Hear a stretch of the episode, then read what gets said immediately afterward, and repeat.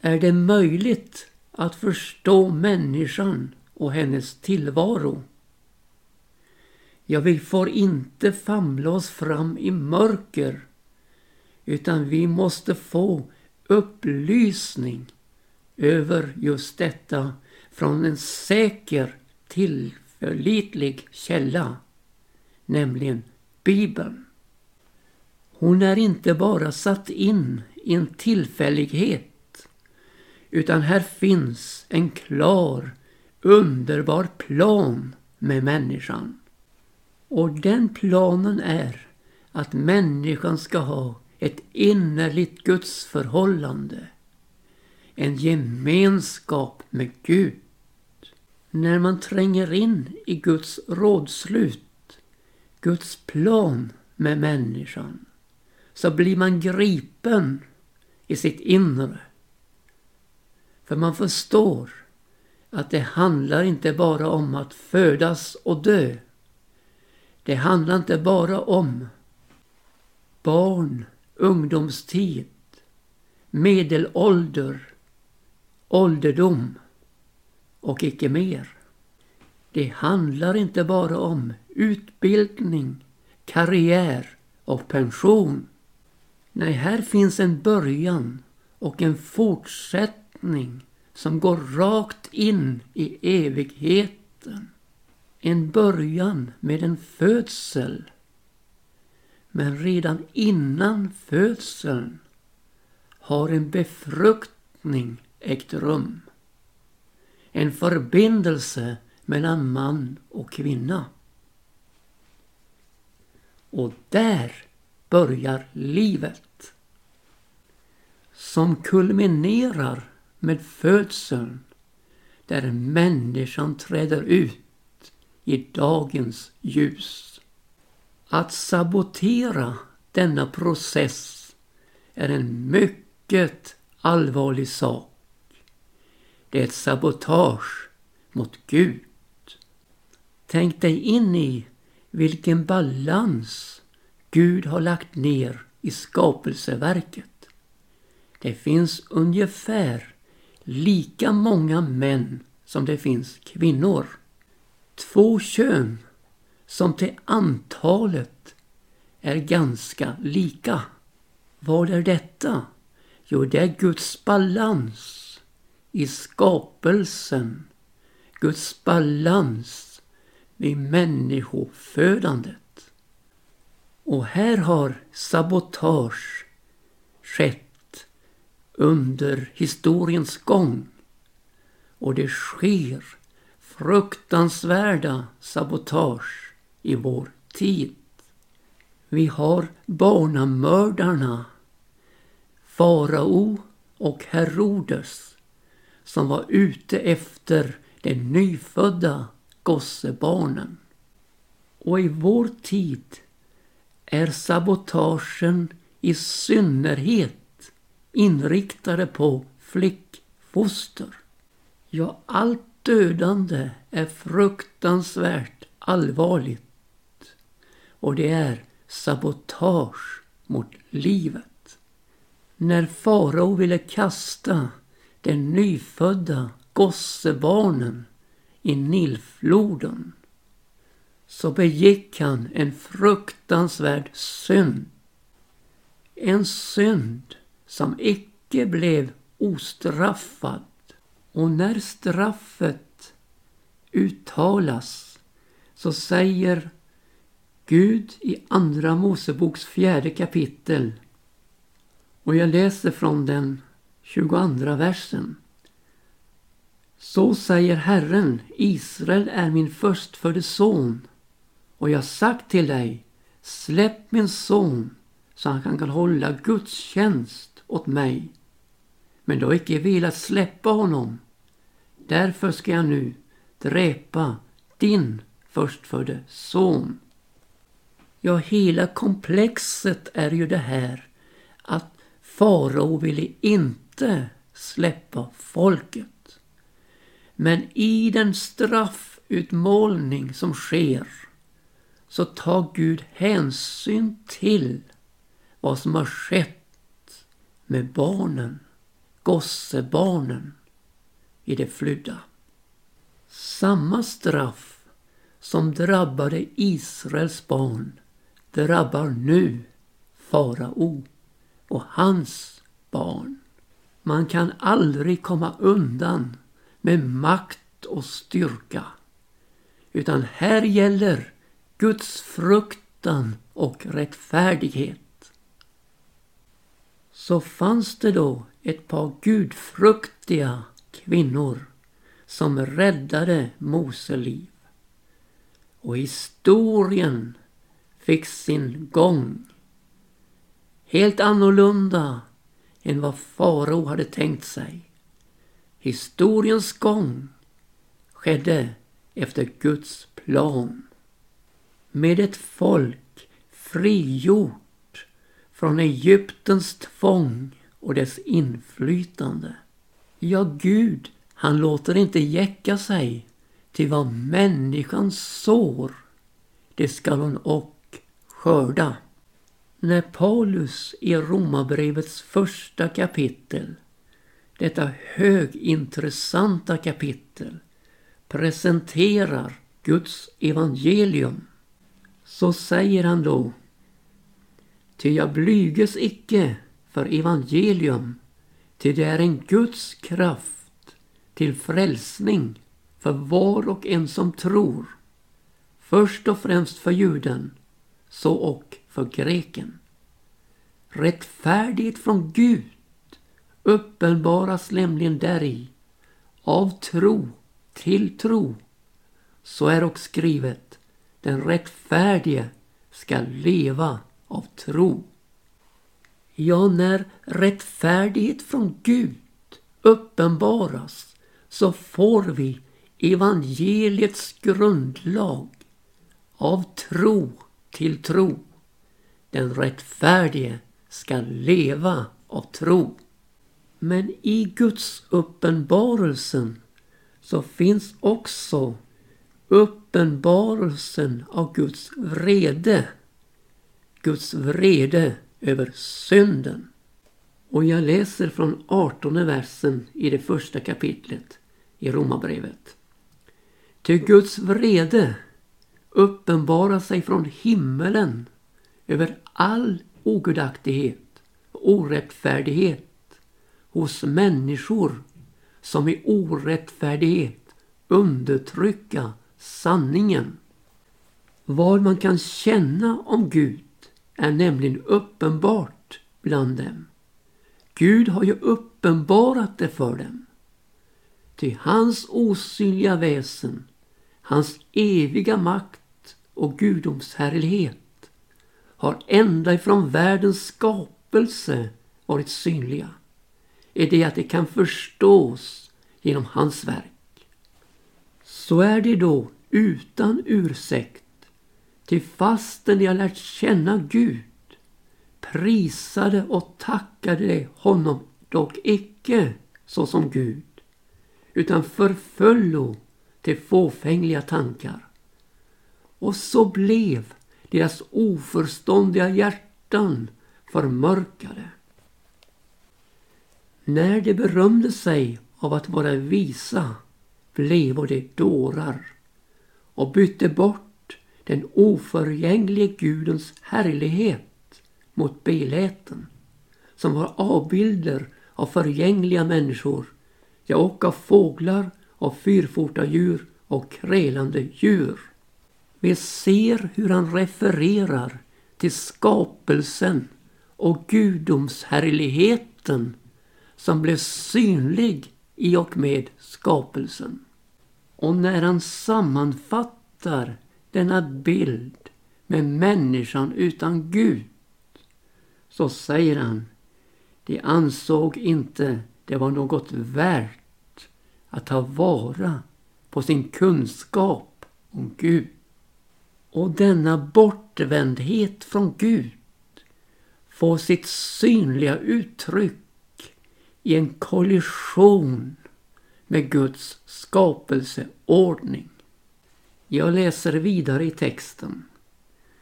Därför prisgav Gud dem i deras hjärtans begärelser åt orenhet så att de med varandra skändade sina kroppar. De hade ju bytt bort Guds sanning mot lögn och tagit sig för att dyrka och tjäna det skapade framför skaparen, honom som är högt lovad i evighet. Amen. För den skull gav Gud dem till pris åt skamliga lustar. Deras kvinnor utbytte det naturliga umgänget mot ett onaturligt. Sammalunda övergav och männen det naturliga umgänget med kvinnan och upptändes i lusta till varandra och bedrev styggelse man med man. Så fick de på sig själva uppbära sin villas tillbörliga lön. Ja, detta förhållande får ju ett fruktansvärt omfång. Jag läser vidare. Och eftersom de icke har aktat det något värt att ta vara på sin kunskap om Gud gav Gud dem till pris åt ovärdigt sinnelag till att bedriva otillbörliga ting. Så har de blivit uppfyllda av all slags orättfärdighet, ondska, girighet, elakhet och de är fulla av avund, mordlust, trätlystnad, svek, vrångsinthet. De är örontasslare, förtalare, styggelse för Gud, våldsverkare, övermodiga, stortaliga, illfundiga, olydiga mot sina föräldrar, oförståndiga, trolösa, utan kärlek till sina egna, utan barmhärtighet mot andra. Och fastän de väl vet vad Gud har stadgat såsom rätt, att nämligen det som handlar så förtjänar döden, är det dem icke nog att själva så göra. De giva också ett bifall åt andra som handla likaså. Ja, vilken lista!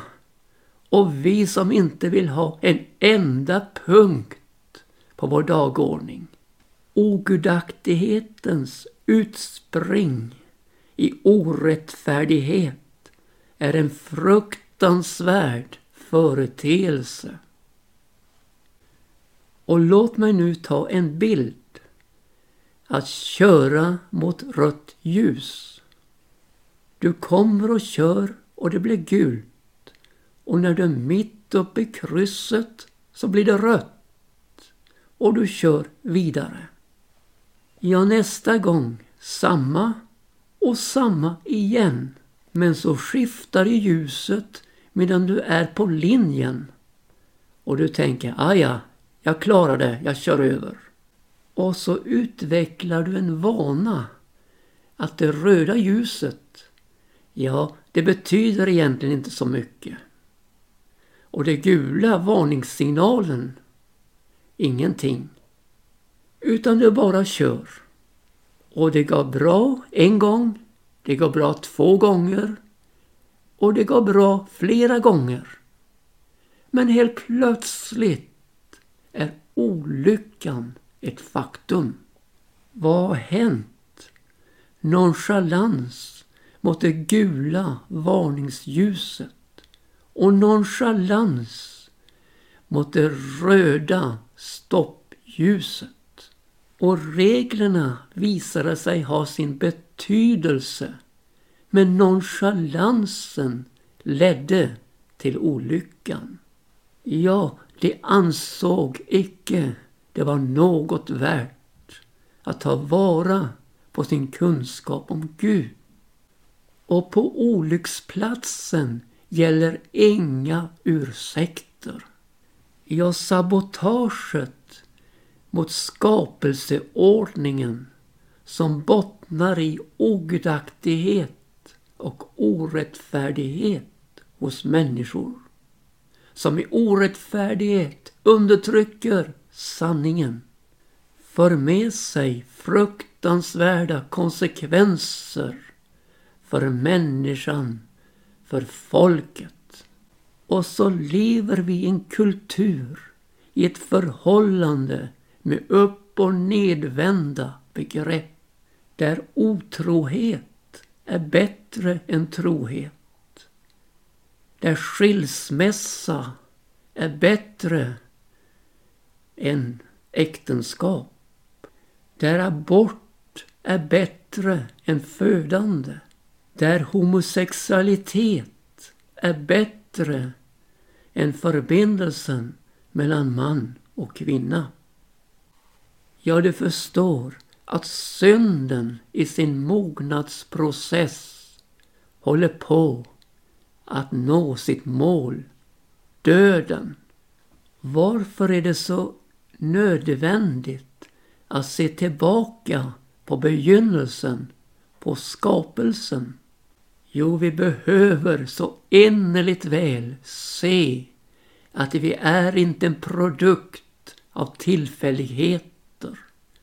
Utan vi är ett uttryck för Guds skapelsetanke. Från Guds skapelsehand. Från hans levande förblivande ord. Ett rådslut med förblivande destination. Evigt liv eller evig förtappelse. Den Gud som skilde ljuset från mörkret på skapelsens första dag. Han kommer också som den bild Jesus delgav oss skilja fåren från getterna. Ja, den rättfärdige från den orättfärdige. Den frälste från den ofrälste. Den som har sonen Jesus Kristus och den som icke har sonen. Vilket svalg vid människans slutmål. Svalget mellan himmel och helvete. Därför blir min appell i detta avsnitt. Fly för ditt livs skull och se dig inte tillbaka. Fly från Sodoms brinnande inferno till säkerheten hos Jesus Kristus. Sodomskulturen brinnande redan nu i begärelsens låga. Men kommer också att uppleva hur elden faller ner med ödeläggelse från himmelen. Ty omöjligt är att syndaren ska kunna bestå i domen. Nej, det måste till en frälsningsupplevelse. Att Jesus får greppet om dig, greppet om din själ. För när ungdomens röda kinder bleknar och karriärens framfart har stannat upp och pensionens sista utbetalning har ägt rum. Ja, du förstår, jag talar om döden. Denna omutliga verklighet. Det är människan förelagt att en gång dö och sedan dömas. Men det finns ett folk som med frimodighet kan träda fram i domen. Vilka är det och varifrån har det kommit? Jo, dessa är de som kommer ur den stora bedrövelsen och som har tagit sina kläder och gjort den vita i Lammets blod. Just därför står de inför Guds tron och tjäna honom dag och natt. Du har väl tagit dina kläder och gjort den vita i Lammets blod. Du har väl upplevt denna rättfärdighet Kristi rättfärdighet. En rättfärdiggörelse genom tro på Jesus.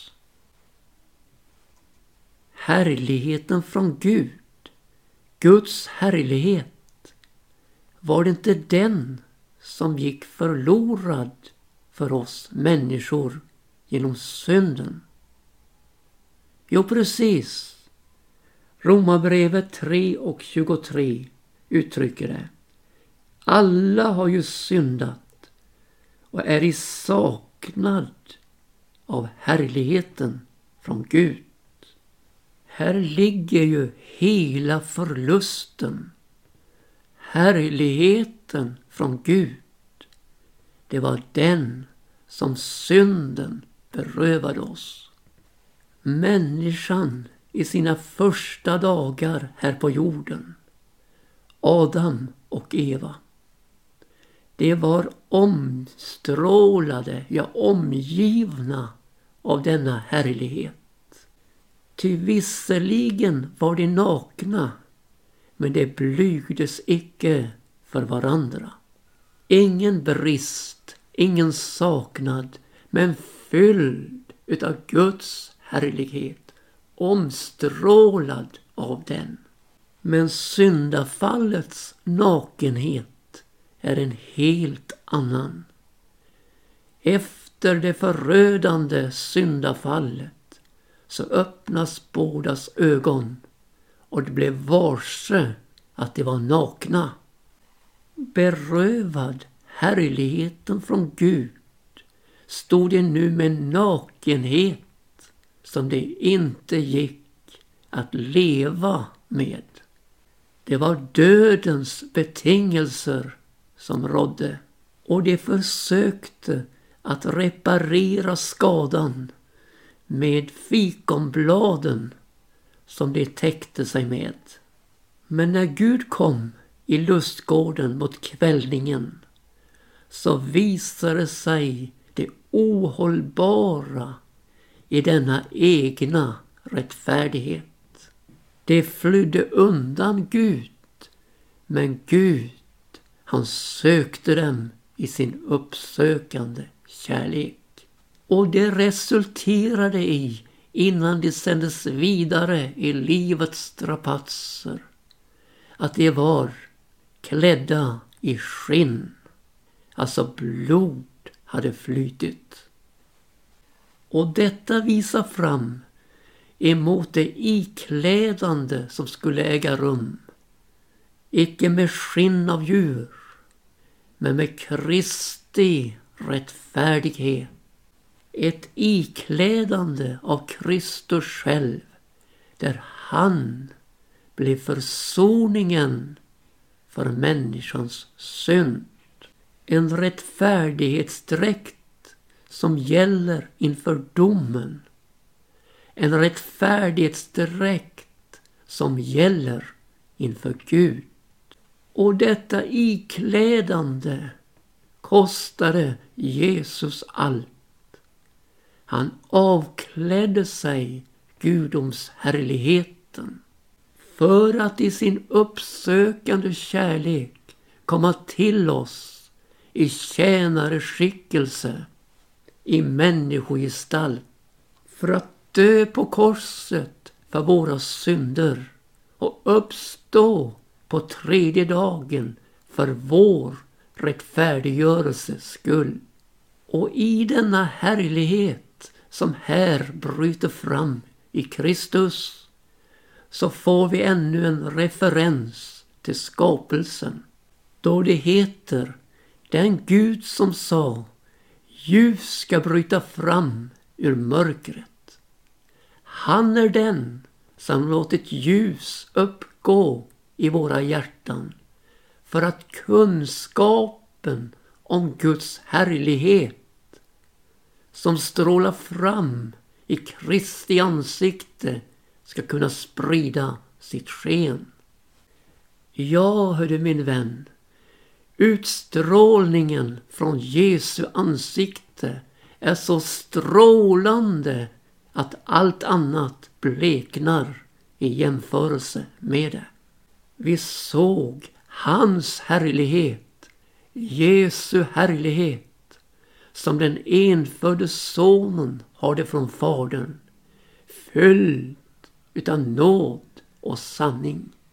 Ingen ogudaktighet, ingen orättfärdighet, inget undertryckande av sanningen i orättfärdighet, utan en utstrålning från det eviga livets klara källa i honom. Ja, full av ljus och härlighet går du fram från segerbyternas berg. Vilket berg är det? Golgata-klippan. Där den eviga segern vanns över all ogudaktighet, all orättfärdighet, ja över all synd. Platsen där ormens huvud blev krossat av kvinnans sät. Platsen där syndaren kan få nåd och ingå i livet.